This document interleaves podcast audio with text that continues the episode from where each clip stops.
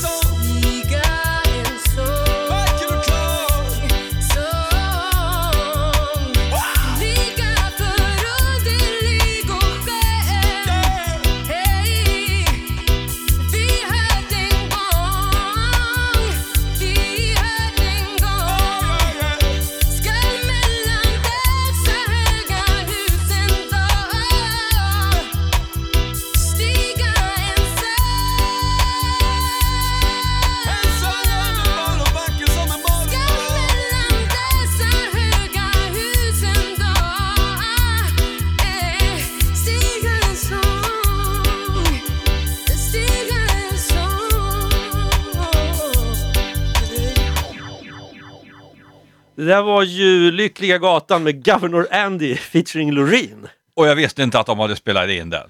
Nej, Det- precis. Det där kan jag säga, det där är en spin-off. Jag gör ju eh, webbradio på onsdagskvällar.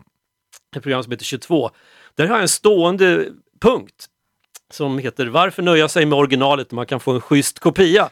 Och det var just en sån schysst kopia. Ja, härligt. Eh, Du, eh, nu orkar jag inte vänta längre. När Cliffhanger, nu har jag väntat sedan för avsnitt 94.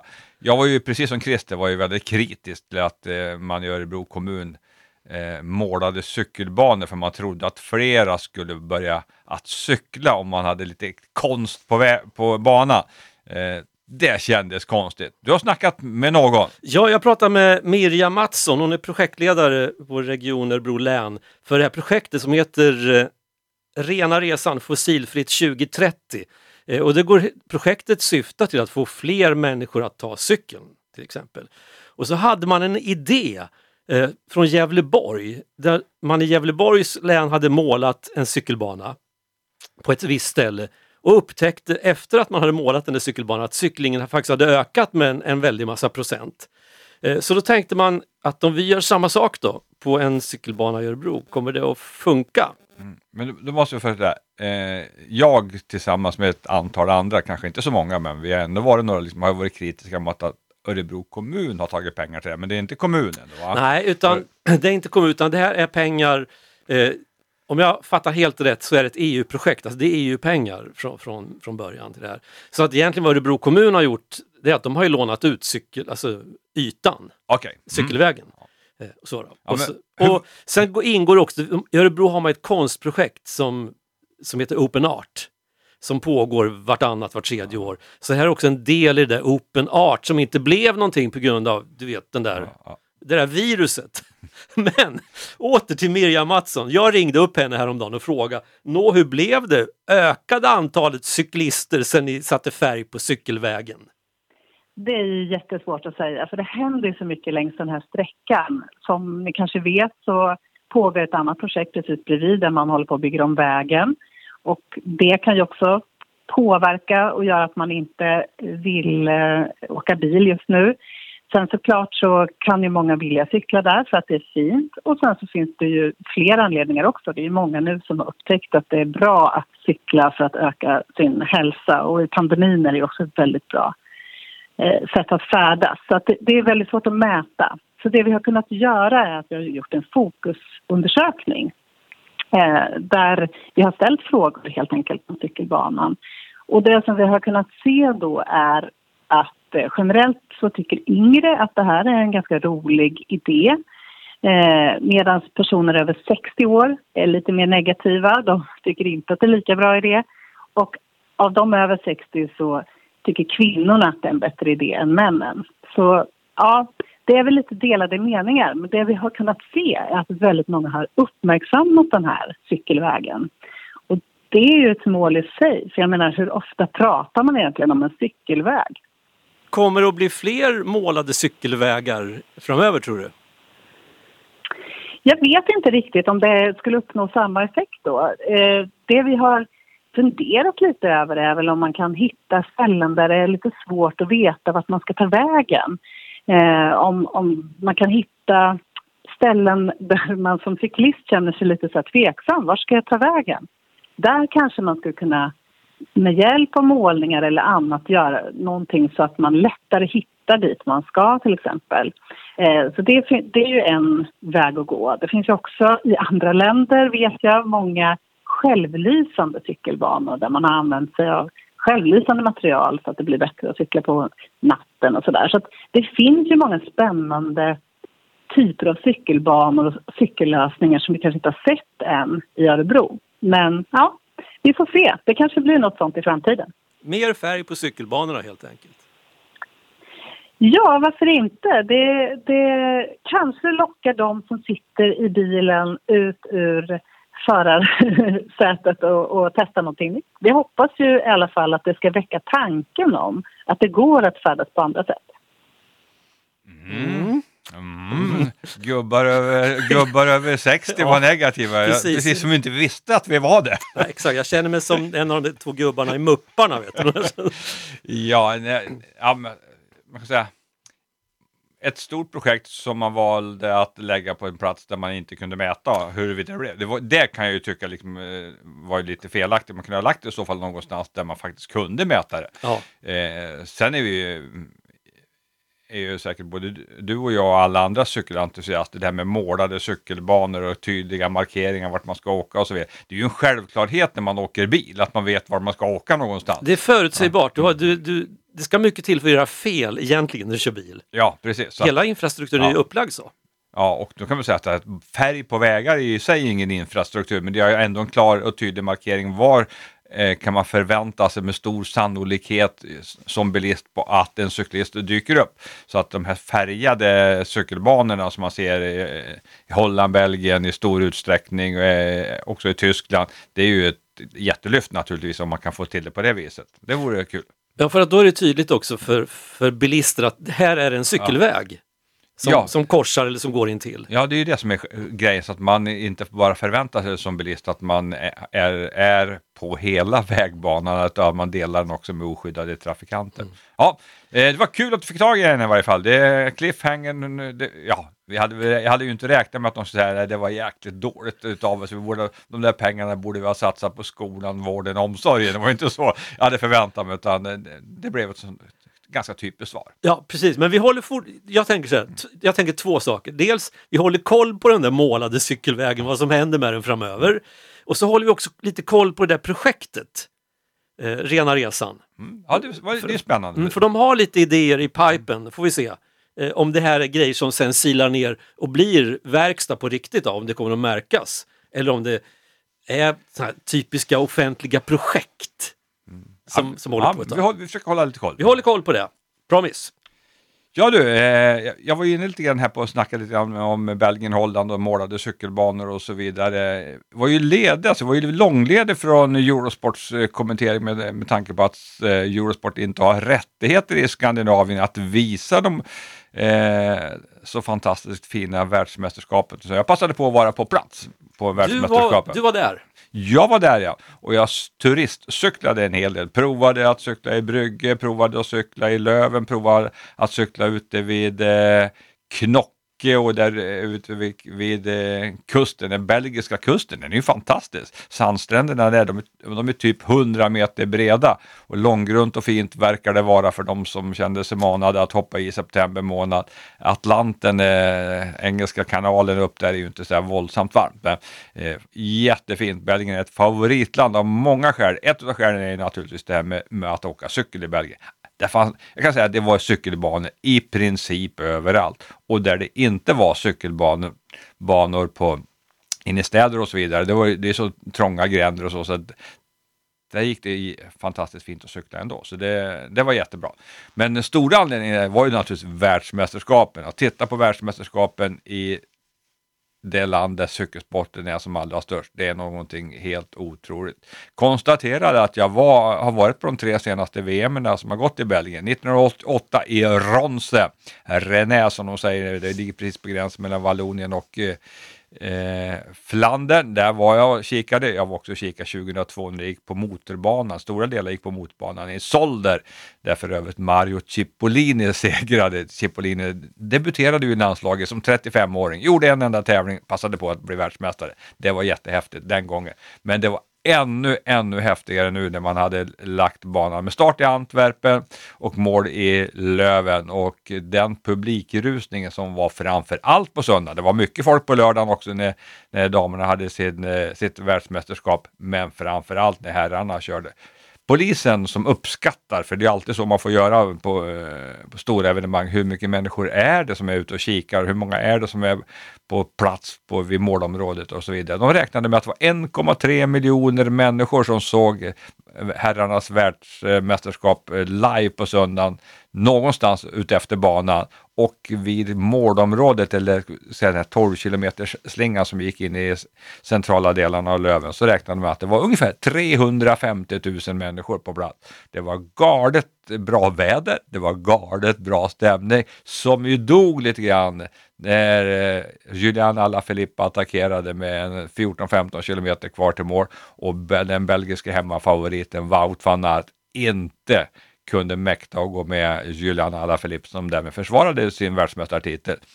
Belgien fick istället, efter en stund fick man eh, rikta in sig på silvermedaljen. Jasper Stuyven kom med i den här jakten på Julian Alaphilippe. Stuyven som dessutom då eh, är uppväxt bara 300 meter från mållinjen. Drog igång spurten om silvermedaljen och det såg så bra ut. Men precis alltså 10 meter före mål så grusades allting för Stöven och belgaren han blev fyra, tänka sig. Bra av danskarna. Mikael Wallgren tar eh, medalj. Det var jättehäftigt att se. Han tar en, en eh, bronsmedalj. Det är ungefär om världsmästerskapen. Det är fin eh, arrangemang nästa år går världsmästerskapen i Melbourne för att sedan ta steget tillbaka till Europa. Världsmästerskapen 2023 kommer att gå i Glasgow. 2024 i Zürich och 2025 Thomas, du, då får du åka ner på världsmästerskapet. Ja, då, då, är det ju Rwanda. Ja, det var ja, jättehäftigt. För första gången kommer världsmästerskapen på cykel att hållas i Afrika och det är Rwanda som blir värd för det här jätteevenemanget. För det är det verkligen. Det är ett jättestort evenemang. Mm, ja, men just när Rwanda-VM, det borde man ju faktiskt se till att vara där och kolla på. Ja, jag har ju aldrig varit i Afrika. Jo, det har jag varit. Jag varit i Nordafrika, men jag har aldrig varit liksom ner mot eh, ekvatorn. Ja, men vi ordnar en resa. Vi åker dit. Vi åker dit. Det gör vi. Det gör vi, helt enkelt.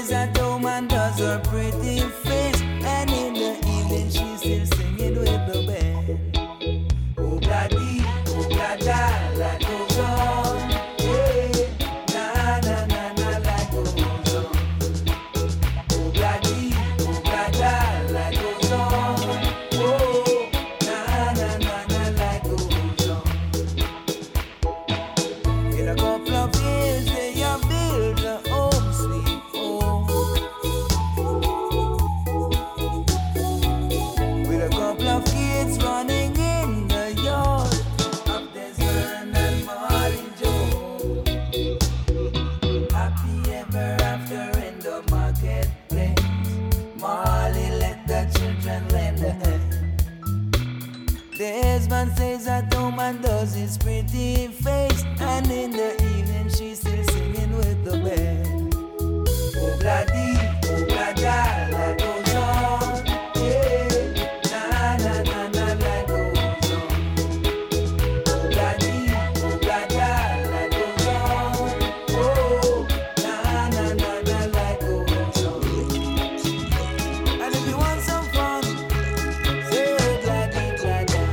Fortsätter med fler schyssta kopior här musikaliskt. Obladi Oblada, Don Carlos and Dub Vision Band. Ingen har hört talas om dem förut. Nej, definitivt inte jag i varje fall. Däremot har jag hört talas om Henrik Höjer som eh, eh, har skrivit en bok här. Va? Ja, precis. Henrik som är vetenskapsjournalist och historiker har i dagarna precis utkommit med boken Cykelns historia, frihet på två hjul. Och eftersom han är historiker så tänkte jag så börjar med frågan varför skrev du den här boken då? Eh, oj, jättebra fråga. Jag skrev en sån här understreckar-essä i Svenska Dagbladet 2017 tror jag den var. Cykeln fyllde ungefär 200 år. Och intresserade mig för cykeln i och med det. Skrev något mer och så gillar jag såna här vardagsföremål som är ganska banala. Om folk som liksom inte är cykelnördar, cykelmänniskor. De har, har jag märkt har inte en tanke på att det finns liksom historieberättare. Ett par grannar som har berättat om det här. Och de var så här, vadå, ska jag en bok om en cykel? Vad, vadå om cykling? Det är liksom bara cykla, vad, vad, vad är grejen? Så berättade jag lite grann. Och de var jaha, ja just det, det är klart det finns en historia med cykeln också. Den var så självklar för dem. Som där, ett banalt föremål som de flesta inte tänker på. Efter ett tag kom de på såna här höghjulingar där de sett på någon film eller bild med jättestora framhjul. Men sen att det fanns en massa annat också, det hade de ingen aning om. Det tyckte jag var så här kul. För mig, jag har upplevelse att väldigt många människor har en tanke på att cykeln har en historia. Det är för att den är så pass vanlig som föremål då? Ja, kanske är det så. Men även liksom skruvmejslar och osthyvlar och eh, whatever har ju en historia förstås. Allting. Men de flesta tänker ju ofta historia att det handlar om krig och fred och länder och gränser och kungar och sådana saker. Men vardagsföremål har ju också någonting. Och, och cykeln har ju en ganska dramatisk historia, tycker jag. Hur då? Att det var så omvälvande. Ett, ett, ett föremål som ett enkelt mekaniskt föremål som fick oss att förflytta oss så snabbt. Så enkelt. Ja, men när, väl, när väl bitarna föll på plats så var det ju genialiskt. Men det dröjde så länge, tycker jag, innan cykeln blev den cykel som du och jag skulle känna igen, den moderna cykeln. Det är ju ganska sent i historien, 1890-talet kom ju den liksom moderna säkerhetscykeln som alltså har två lika stora hjul, den har kedja, fotbroms och kan, ja men du och jag skulle kunna cykla på den. Den ser ut ungefär som min pappas cykel. Ja, men det är lite fascinerande där egentligen vad det var för en tid som gjorde att det här föremålet blev möjligt. För att ungefär samtidigt så kom ju den första bilen. Ja, menar, eh, och, och bara några år senare kom ju första flygplanet. Cykeln kom jag, tycker jag i alla fall, oerhört sent. Alltså saker som telefoni, eh, väldigt moderna vapen, räfflade kanoner, enhetspatroner och sånt kom ju liksom före. Det är ganska högteknologiska saker medan cykeln är ju enkel mekanisk sak. Den borde ha kommit mycket tidigare tycker jag, men det gjorde den inte. Å andra sidan var den ju helt färdig när den väl kom. Ja, sen dess har vi liksom filat på detaljerna. Men det var ju ja, 130 år sedan ungefär. Det har inte hänt jättemycket. Men visst, dagens cyklar är ju liksom lite smidigare och lättare framför allt. Och så. Men som du sa, jag skulle kunna sätta mig på den där första cykeln och trampa iväg. Däremot fixar jag nog inte att köra Carl Bens första bil. Nej, så kan man uttrycka det. Och det är mycket annat från den tiden vi skulle tycka var väldigt daterat. Men alltså första cykeln, så första moderna cykeln. Men vi hade ju haft olika typer av tvåhjulingar från 1810-talet och framåt. Men de var väldigt primitiva. Men 1890 hände väldigt mycket och, och fram, inte minst eh, alltså gummidäcket med luft i. Det var ju en otroligt viktig grej som kom. Och det slog igenom supersnabbt för det var så genialiskt att cykla på luft. Men då när väl den här första vi kallar det säkerhetscykeln Ja. dyker upp på marknaden. Vad, vad innebar den då egentligen för kommunikationer och, och sådana saker? Ja, det var en revolution sades det. Det pratas om the bicycle craze på 1890-talet. Eh, stålhästens årtionde. Den slog igenom massivt stort. Fortfarande då var det framförallt ganska bemedlade som, som köpte cyklar. Eh, en sån där kostade ett par 300 kronor motsvarande en 20-25 tusen idag. Det hostar inte alla upp på en gång men det här var en av de första varorna som man kunde köpa på avbetalning. Vilket ju förstås var en vinst både för säljare och köpare. Så att visst, det var en, en revolution för rörelsen, kan man säga. Men även för fritiden. Det här var ju en tid när vi faktiskt började få en fritid, återigen medelklassen, att göra någonting vettigt av. Spela piano eller läsa böcker. eller ta sig ut i naturen med cykeln. Det var ju ganska nytt begrepp. Det pratas ju om lite grann, kanske lite skämtsamt, jag vet inte, om att cykeln hjälpte till att begränsa inavel. Hur då i så fall? Ja, det har sagts många gånger. Jag har inte sett något, någon så att säga genetisk utredning av det här. Men vi vet att man börjar gifta sig eh, längre, få barn med, med, med partners längre från sin hemby just, såklart. Man kan cykla en, en, en mil på en dryg halvtimme, de flesta friska personer. Det är lätt att ta sig till dansen i grannbyn. Så att det har sagts många gånger och det ligger säkert någonting i det. När cykeln då börjar dyka upp och fler och fler börjar använda den, den börjar synas i gatubilden. Hur reagerar omgivningen, de som inte cyklade på det här fenomenet? När den slog igenom stort så började man prata om då cykelfrågan, ett problem som man i Stockholm löste tror jag 1896 tror jag det var med en mängd förordningar att man, vissa gator skulle vara avstängda för cykling, cykeltrafik. Men det blev konflikter mellan trafikanter med hästar och cyklar till exempel. Man trodde, hästar ansågs lätt bli skrämda av cyklar som skramlade väldigt mycket framförallt innan de fick gummidäck. Eh, och såklart många nymodigheter verkar ju, det vet vi än idag, man tycker det är konstigt. Någon pratade för om cykeln som den senaste typen av tortyrmaskin, medan andra älskar den. Och ord som velocipedhat förekom på den tiden. Det var många som hatade cyklister. Redan då? Redan då. De störde ordningen, de cyklade för fort, de brydde sig inte om trafikföreskrifter och så vidare. Så att det blev bråk. Till och med slagsmål sägs det. Man kastade sten, satte käppar i hjulen. Sådana saker. Cykeln slog igenom på bred front och den har ju haft betydelse kanske inte bara för vårt, vår fysiska förflyttning utan även politisk och jämst, ur jämställdhetssynpunkt har jag förstått. Ja, det stämmer. Alltså för kvinnor i Västeuropa blev cyklingen en del i den allmänna kvinnofrigörelsen. En del i en mängd frågor som alltså kampen för utbildning, kampen för att få rösta, kampen för att få välja sitt yrke och sitt liv. Cykelfrågan blir en del i ett paket av frågor kan man säga och eh, många, många kvinnor, framförallt ur medelklassen som hade råd, omfamnade cyklingen med stor entusiasm. Nanny Palmqvist skriver jag om i boken var en ung lärare som cyklade runt i Sverige och skrev essäer om det här, hur fri och lycklig hon kände sig och frisk inte minst att vara ute i naturen och cykla. Hon var, upplevde det, hon skrev att cykling är för mig lycka och något sånt där formulerade hon sig. Och det kan man hålla med om än idag tycker jag, att cykla. Jag älskar att cykla. Det är många som använder cykeln eh, som eh, alltså gör riktigt långa resor på cykel. Man kan följa på sociala medier människor som ger sig runt i Europa och jorden runt. Vi har själva följt Fredrika Ekar i cykelradion för några år sedan. Hon Okay. cyklade jorden runt.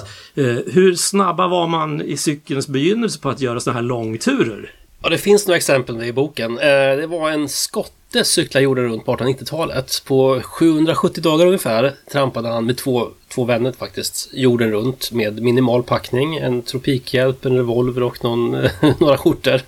Och han skrev en bok om det här som var helt fantastisk att läsa tycker jag. Som eh, blev en slags bestseller. Den var 700 sidor tjock, översattes i en mängd språk. Och han berättar väldigt levande om sin sitt cykeläventyr. Alltså han från, från London då förstås, ner genom Europa, Balkan, Rumänien, sen Ryssland, ner genom Kaukasus, Iran, Indien, Kina, båt till Japan, genom Japan. Där han hittade en massa, stötte på jättemånga japanska cyklister faktiskt. Cykeln slog igenom väldigt tidigt i Japan. Det här var redan 1895-96 alltså, fanns det många cyklar i Japan. Sen båt till Amerika och eh, cyklade i USA och båt till England kom hem. Ja, drygt två år senare. Glad att han överlevde. Han var ju sjuk och han har levt på ägg och inte rakat sig på flera månader ibland. En helt fantastisk story. Så att visst, äventyret ska jag säga. Jag skulle nog inte dra igång en sån resa idag. Men eh, han gjorde det. Han har uppenbarligen gott om pengar ska jag gissa. En slags blandning av Marco Polo och Tintin verkar vara av sin bok att döma. Men om man tänker sig att, att cykeln den var ganska i, i grundform i alla fall nära sin fulländning när den dök upp. Och vi använder den på ungefär liknande sätt idag som, som då när den kom. Alltså vi tar oss från A till B och ibland så cyklar vi från A till B via halva, halva jorden. Men hur ser framtiden ut då för cykeln som, som redskap för cyklismen? Jag tror framtiden är, är jättebra för cyklismen. Absolut, varför skulle det inte vara det? Det är ju det har ju blivit en boom på senare år att cykla, upplever jag det som. Jag cyklar i Stockholm, jag cyklar till jobbet i regel. Just nu är min cykel på, på verkstad. Framhjulet har blivit skevt, jag har fått en kyss när den stod parkerad. Så idag cyklar jag inte, annars så cyklar jag två mil om dagen till jobbet, tillbaka till jobbet. Underbart. Och varför skulle inte fler göra det? Det är ju miljövänligt, bra för hälsan. Man behöver inte ge sig ut och jogga på kvällen när man har cyklat till och från jobbet. Eh, nej, jag tror fler och fler kommer upptäcka cykeln. Framförallt kanske utanför Europa. För här, Europa är ju liksom cykelns, här finns cykelns ursprung och cykelrörelsens kärna. Framförallt först i Tyskland när det kom till, sen Frankrike, sen England och på senare år är ju skandinaviska länder kanske cykelns eh, verkliga hjärtländer.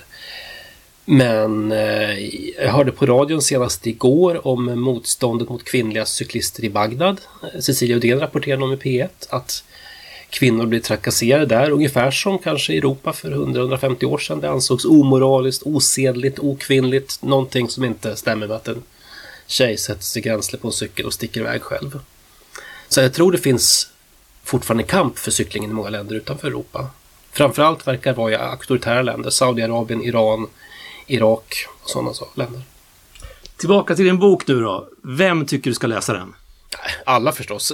Nej men eh, är man cykelnörd och älskar cykling så är den säkert rolig att läsa. Men även om man är generellt intresserad av historia. För jag försöker väva in kända historiska personer. Du kan läsa om Hemingway och bröderna Wright och Churchill och deras förhållande till cykling också förstås. Den bygger rätt mycket på svenskt källmaterial, svenskt tidningsklipp, pressmaterial, svenska äldre böcker om cykling som jag läst förstås. Det gavs ut massa böcker om cykling på 1800-talet. Men jag försöker även sätta den i ett globalt sammanhang och i ett sammanhang idag också vart cyklingen är på väg i dagens värld. Henrik Ja, Höjer. vill du lägga till något? Köp boken. det får du klippa bort om du vill. Vi får se. Nej, vi klipper ingenting. Det är det som är själva grejen med cykelradio. Vi spelar ju alltid in live som ni vet och sen så blir det lite grann som det blir. Och eh, jag tycker det var spännande. Och, när, någonting som man själv älskar så mycket, det vill säga cykeln. Eh, att man kan, någon historiker liksom kan börja be, reda upp det här. Hur var det från början och hur jag blev spänd på den där boken, den där killen som cyklade jorden runt på 1890-talet eller 1880-talet till och med. Det är helt galet egentligen. Ja, men precis. Och, eh, du vet, och, varför gjorde han det? Han inte han kunde lägga ut det på Facebook. kan man undra. Precis fråga, hade det hänt då? Om man inte kan lägga ut på Facebook? Nej, ungefär så. Ja, men det var bra. Köp boken säger jag också. Köp boken, den lär finnas eh, i bok, eh, boklådorna som man säger, vilken dag som helst. Så att det där ja, men det är riktigt spännande.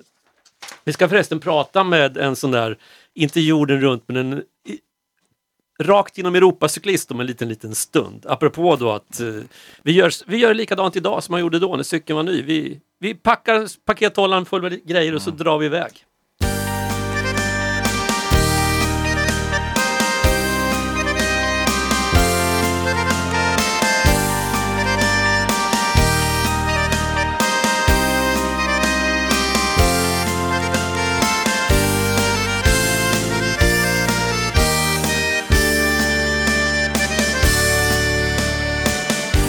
We're leaving together, but still it's farewell.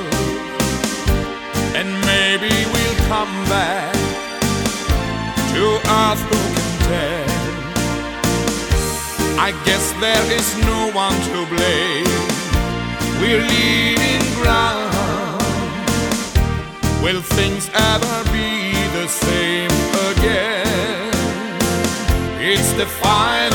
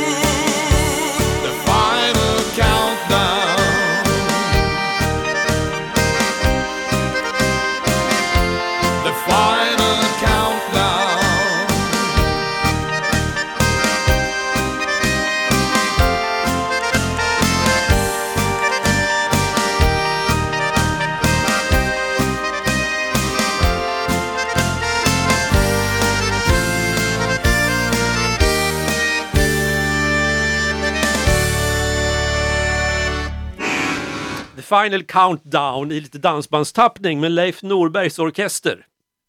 Mm, ja, fast den finns ju bara, den ska bara vara i ett. Den covern går bort för mig. Den schyssta kopian var inte helt schysst enligt. Adamsson. Eh, Musikexperten. Ja. Ja, vi noterar det. Du, eh, vi har ju varit igång en stund. Vi brukar köra de här, för er som eh, följer oss här på eh, och lyssnar på våran podd vet jag att det brukar landa någonstans 50 minuter till en Mm. timme eller något sånt där runt omkring där. Det brukar, och nu har vi varit igång i hur länge Thomas? Eh, 38 och 29. Ja, precis. Då kommer vi, ha- kan jag berätta för er som lyssnar. Vi kommer hamna där någonstans. Vi har ju, har ju alltså våran eh, lyssnarfråga. Den kör vi i absolut sista vi gör idag. Ja, det gör vi. Ja. Så att fortfarande kan man skicka in svar. Ja, precis, på förra. För det vet ni att ska man vara med i den här lyssnartävlingen så är det ju från det att man första gången hör just den där eh, frågan tills dess att vi sänder nästa program eller avslöjar svaret på nästa program. Så man kan säga, är det någon som skickar in just här och nu så är han faktiskt med i dragningen. Då åker det ner i Thomas hemmabyggda tombola. Du Thomas, det är ju ett antal projekt liksom som du haft igång här. Du har, du har flaggat upp för det här. Hur har det gått med dina projekt Nu ska vi egentligen? se. Jo, alltså projektet eh, få ordning på den gamla Nishikin och göra den till långfärdscykel. Ja. Det är i princip avslutat. Det är inte hundra bra med bakväxeln, men cykeln funkar. Det går att dra den här enhjuliga trailern efter den så att jag betraktar den som 98% avslutat. Den är funktionell. Ska vi sätta en bock i kanten på det? Det kan vi sätta en bock i Ja, kanten vi på. Bra. Eh, sen ett annat sånt här projekt som har pågått ganska länge från idéstadiet. Det är en halv bock i kanten på cykelparkeringen, cykelgaraget. Mm, jag såg det. Snyggt och fint, lite snett uppställda sådär va? Mm, Precis, de står lite diagonalt så att då räcker att jag har jag kommer ju ha dörren på långsidan, en skjutdörr. Och då behöver jag bara kunna öppna ena, alltså ha skjutdörr på halva eftersom cyklarna står lite diagonalt. Ah, ja. I ett fått cykelställ. Ett cykelställ som en, en förening som har lite aktiviteter hade kastat på tippen för det gjorde ingen nytta längre och det var skevt. Det var, man kunde parkera cyklar från båda håll. Och den ena sidan hade blivit demolerad av en snöplog. Okej, Den sidan är numera vänd in mot väggen. Så det är jättebra. Bra med återanvändning. Ja. Absolut, så att det där, det står inte på för det där är helt färdigt. Ja. Nej. Och sen tänker jag projektet, ett gemensamt projekt, det är 30 mil i november här. Har du, har du en plan? Alltså, Ja, både ja. du och jag har väl både lyckats och misslyckats vill Ja. jag är det där, va? Jag är nöjd. Första året och förra året, då lyckades jag ju bra. Men mellanåret där, Då var det fiasko för min del. Men då lyckades du ja istället då ja. väldigt bra. ja. Eh, Men, nej, men jag har en plan eh, för året. Därför att jag har ju insett att jag kommer inte att kunna cykla efter den 26 november. Så det går ju bort tre dagar där på slutet. Ja. Eh, Så att jag måste alltså vara med, jag måste vara på från början. Och min plan i år faktiskt det är att börja, jag får ju inte räkna kilometerna jag gör i oktober. Nej, nej, nej, för tusan. För det är i november det gäller. Men jag tänker alltså börja på att trappa upp för att vara i bra form, för att kunna göra mina långa runder i början på november. Jag brukar ju börja lite mjukt med kortare svängar och sen brukar jag ju få ihop de här 5, 6, 7 mila rundorna av nöden. Pan panikrunder. Panikrundorna på slutet. Men då tänker jag, ah, men i år ska jag vända på det. Jag ska ha panikrundorna i början. Ja, och så kommer du efter, då får du till så här fina runder i början, då kommer du slå dig till ro. och tänka, Ja, vad skönt, jag, jag, nu är jag i hamn, nu bara fortsätta. Och sen, ja, vi får se. Man brukar få bråttom på slutet. Jag får ju ett litet annat problem i år då, för att eh, alla tidigare år här i november, då har jag alltid haft ett jobb som jag kunnat åka till. Även om det bara var någon kilometer hemifrån så har det blivit i, liksom, i tjänsten. Man har åkt på möten och man har åkt upp och käkat lunch på stan och man har åkt och handlat och så vidare. Nu är jädrans, alltså, i, i år så blir det, jag tror att det blir cykelbyxemil de allra flesta faktiskt den här gången. Det vill säga att jag måste byta om också och byta om i november känns ju inte sådär eh, som man längtar efter det. Men så tänker jag så här att ja, men om jag nu är ledig på hela dagarna så då kommer ju de där fina dagarna, de kommer komma i november också, så då får jag passa på då. Va? Det är min plan. Ja, men, ja, jag tänker att du har ju du har ju ett försprång där gentemot väldigt många andra som också kanske är daglediga. Du kan ju gå tillbaka, du har ju varit, det har ju varit ditt jobb en gång i tiden att cykla på dagarna. Ja, precis. Så nu, Som gammalt cykelproffs. så nu blir det tillbaka då, till, proffslivet. Då, Ja. liksom, eh, äta gröt med sämskinnsbyxor och sen ge sig iväg på en lång runda. De där filmerna ser vi fram emot. Ja, jag, jag, tror- alltså jag, jag cyklar ju inget långt när jag cyklar nu för tiden. Jag, eh, när jag kör min grusvägscykel, då kör jag en tre och en halv mil ungefär. Eh, men jag måste ju då, begriper ju då så att jag måste ju åtminstone göra två såd- sådana i veckan för att liksom hålla snittet då.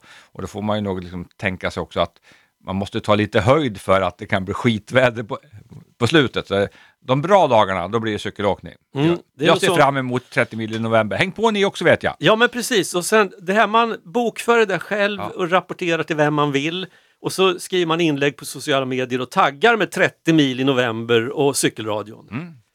Så får vi ett litet flöde på Mm. det, så kan vi he- heja på varandra. Ja, någon som har cyklat betydligt mer än 30 mil, det är Fast ju inte i november kanske. inte i november men i september. Ja. Det är Jan Kiche. Han och två kompisar drog iväg från Huddinge i början på september för att ta sig hela vägen till, till Palma på Mallis. På cykel, vad På, härligt. på cykel. Ja, vad Det är härligt. lite härligt. Och det man ska veta egentligen om Jan då, för en, ett ganska stort antal år sedan så, så blev han stelopererad i nacken och då sa någon, någon läkare att du kommer aldrig kunna återgå till ett aktivt liv. Han var tydligen ganska aktiv innan den där eh, händelsen. Eh, men han gav sig 17 på så att med hjälp av sjukgymnastik och pannben och lite sånt där så, så är han i allra högsta grad aktiv. Och eh, som sagt, nu har han kommit fram sedan några dagar tillbaks då, till, till Mallis på den här cykelturen. Men jag ringde upp honom när de var ganska nära målet och ställde den där frågan som man alltid ställer när man ringer någon. Vad gör du? Eller var är du någonstans? Vi har hunnit ner till Les Tosse del Mar heter det. Det är åtta mil kan man säga från Barcelona. Och det är från Barcelona vi tar båten till Palma sen. Om man ska ta det från början då. När och var startar ni? Vi startade den 4 september. 9.00 från Huddinge centrum. Och sen tog vi oss igenom, ja vi tog oss igenom Sverige, Danmark, Tyskland, Holland, Belgien, Luxemburg, Frankrike och sen Spanien. Ner till Barcelona. Okej, så det är en månad här som ni har varit på, på Ja, rull genom Precis. Europa. ja, 28 dagar blir det totalt. Ja. Men du är inte ensam, jag hör du har någon kompis bredvid där. Ja, men jag har cyklat med Peter Sahn och med Thomas Hugosson. Hur kom den här idén upp att ni tre skulle göra den här cykelturen då från, från Sverige till, Ja. till Mallorca? ja, från början var det att jag stod i Palma och eh, där är mycket cyklister och då så kom jag på att det är alltid lättare att träna om man har ett mål. Och då sa jag till min kära hustru att det borde ju faktiskt gå att cykla hit. Eh, och då så började jag googla på det och hon var inte alls lika begeistrad över idén som jag var. Men eh, till slut så tyckte hon väl att det kan du göra men då får du nog inte göra det ensam.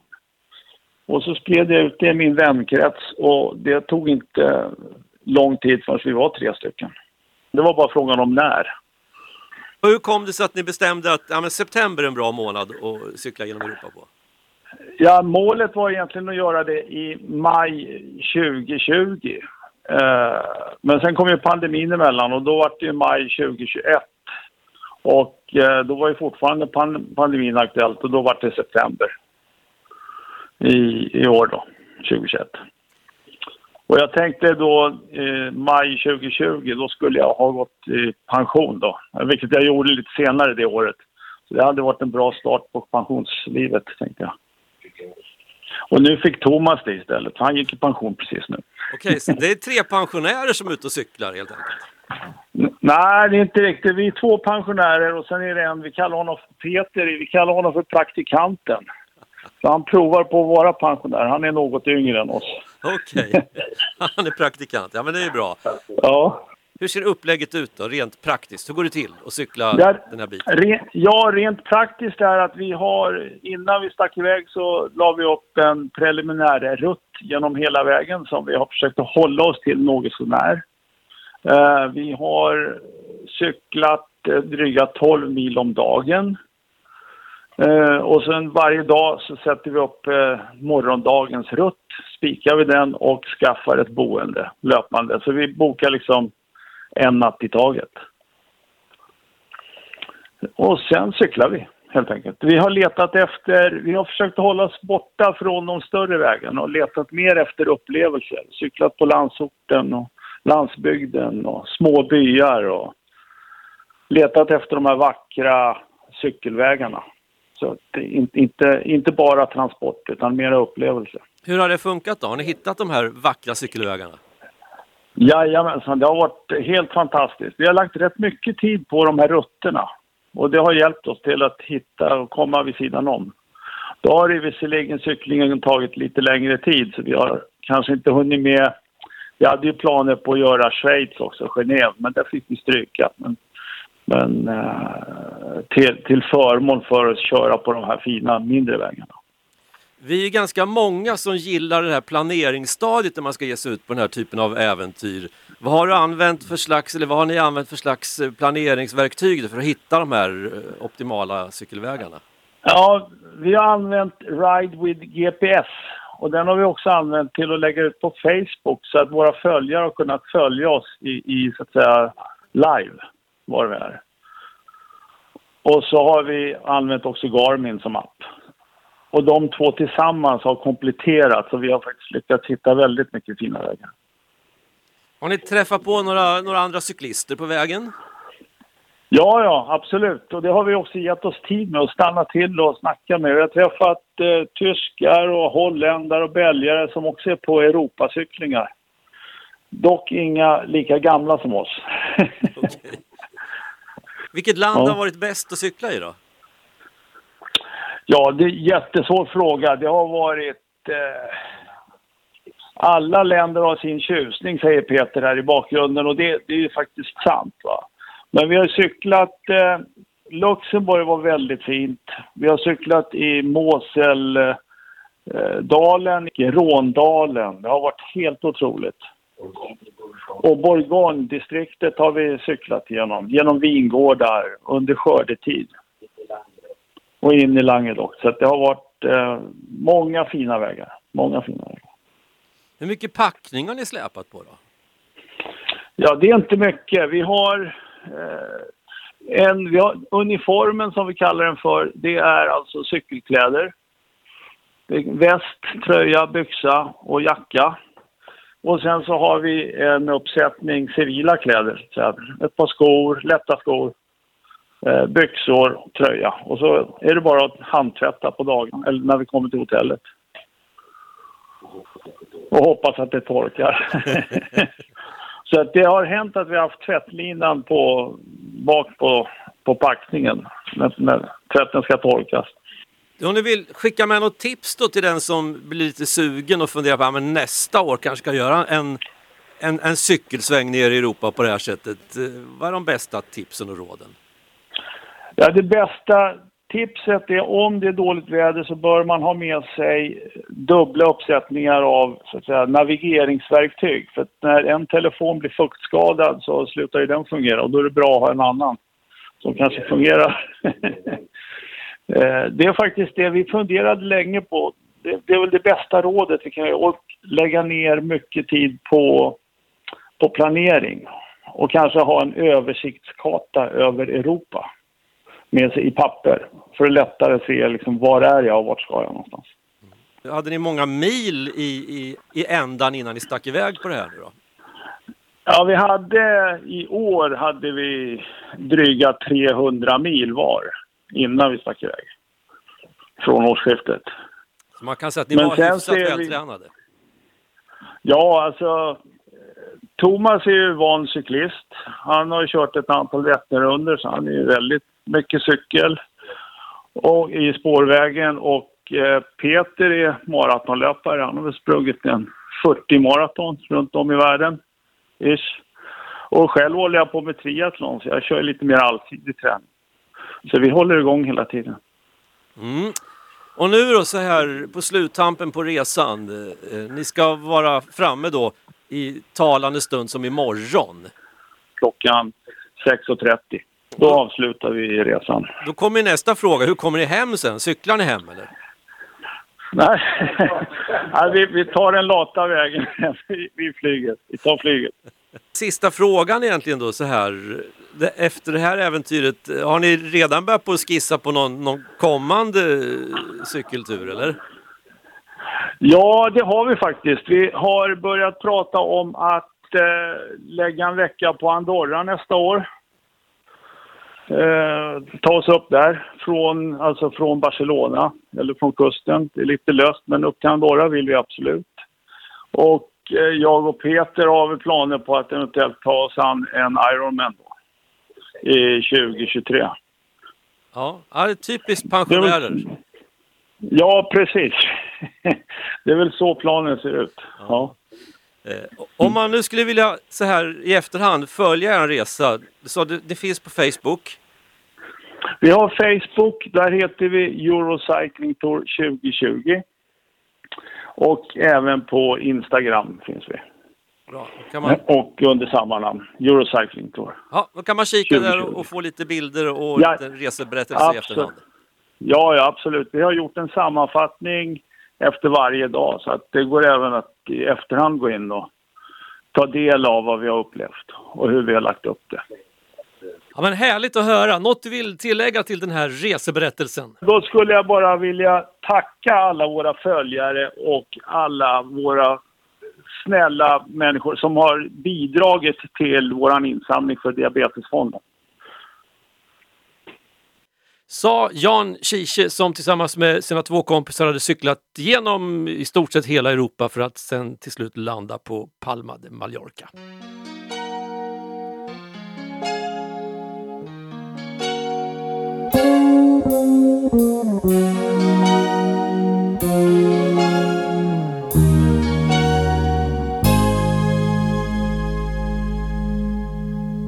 Mä sinut lastes kanssa kaupungilla näin. Nyt hetken menneisyyttä kelaan taaksepäin. Soi pehmeä äänes radiossa päivittäin. Ällä, ällä. Taas kerran vanhat hittis tuli suosioon. Et silti tehnyt versiota videoon. Luuviulut lauluillasi korjaa palkkion. Ällä, ällä. Näin tyyli muuttuu. Ällä, ällä. Mut jotain puuttuu. baby.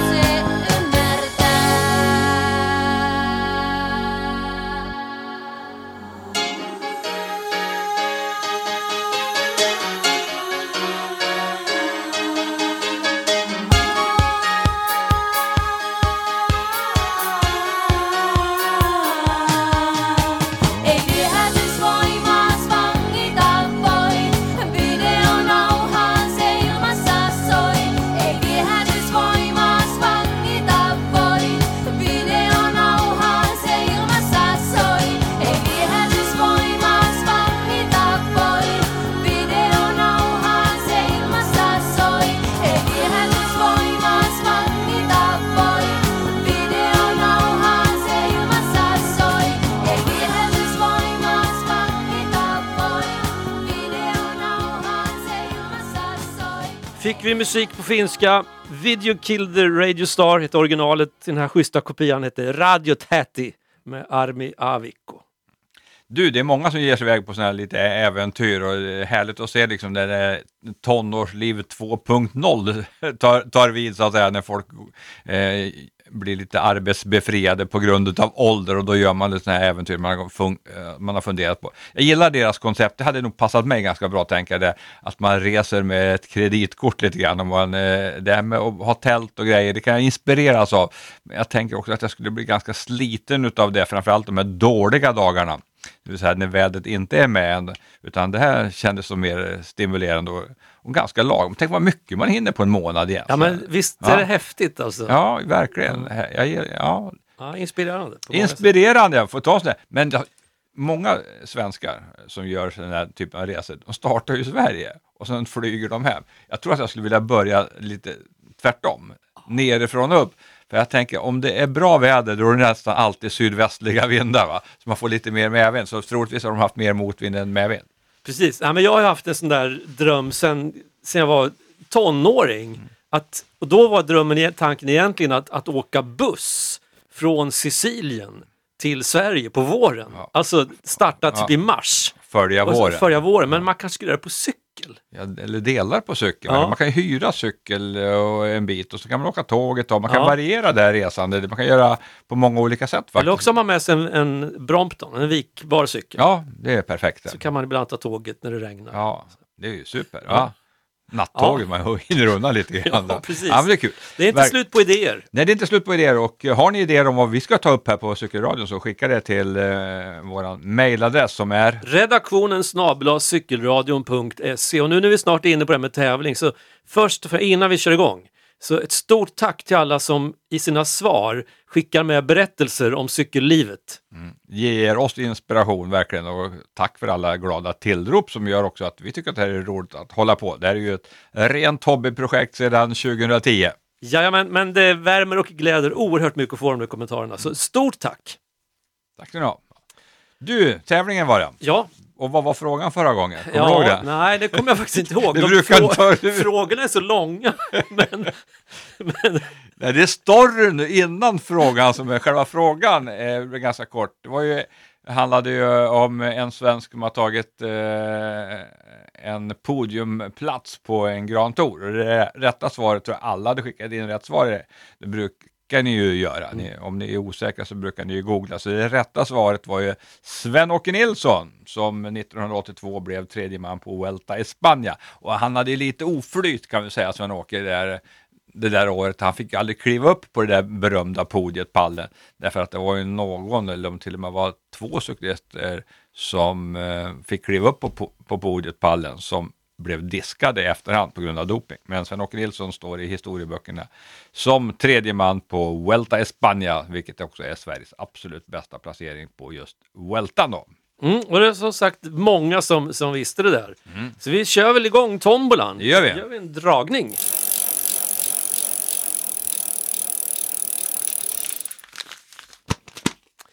Här ska vi se. Eh, från en relativt ny lyssnare, eh, Linus Rauhala i Burträsk. Sven-Åke Nilsson, bergsgeten från Skåneland. Bra där Burträskan. Mm. Eh, Du kommer få en, en tröja, en här cykelradion-tröjan som är sedan, ja, sedan vi startade den här podden, alltid varit sponsrad av Kalas cykelkläder. Så det blir mumma för dig Linus att köra med uppe i Burträsk. Om du hinner ut i den här sommartröjan i år, då lär det banne mig vara en, ett britt sommarrekord uppe i Burträsk, tänk, tänker jag. Men, men annars blir det bra att ha den till våren kanske. Eller vad vet jag, på någon spinningpass någonstans, där funkar den ju också alldeles perfekt. Eh, det kommer en eh, tröja på posten endera dagen tänker jag till Linus. Grattis till dig!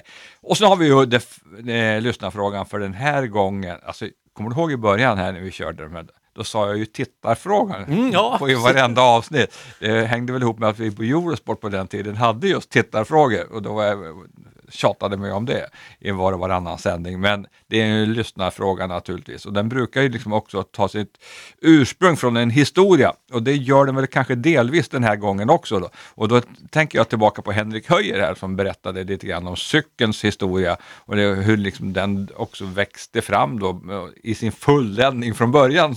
Det var ju lite häftigt liksom att den har inte ändrats speciellt mycket cykel. Men det som var det mest revolutionerande egentligen med den cykeln som kom då eh, som vi känner som cykel, det var ju liksom hur bekvämligheten var att åka. På den tiden så riktigt dåliga vägar. Idag har vi ju, även om vi klagar vi på cykelradion emellanåt på de olika kommunerna, hur de sköter sina cykelvägar och eh, även bilvägar så var det ju betydligt sämre hela tiden då. Och man använde sig ju initialt och liksom så, det var liksom eh, helgjutna däck då. Och det kan man ju nästan klara sig på idag i bästa fall, men det blir ingen skön resa. Men det var någon i varje fall som, som, som kom på där att man kan ju ha luft i slangar. Och frågan den här gången är, vem var det, eller vem är det som liksom anses som den som har kommit på att man på just cyklar kan ha luftfyllda däck? Mm. Och vet man det så är adressen då den vanliga redaktionen cykelradion.se. Och ni kan vara med i tävlingen ända fram tills nästa program eh, kommer och nästa program det kommer i november Mm. innan, då får, då får vi liksom en lägesrapport på 30 mil i november som är våra stora grejer där va? Japp, så får det bli. Så får det bli. Ja. Tack ska ni ha! Tack och bock som vi brukar säga. Vi hörs, hej svejs!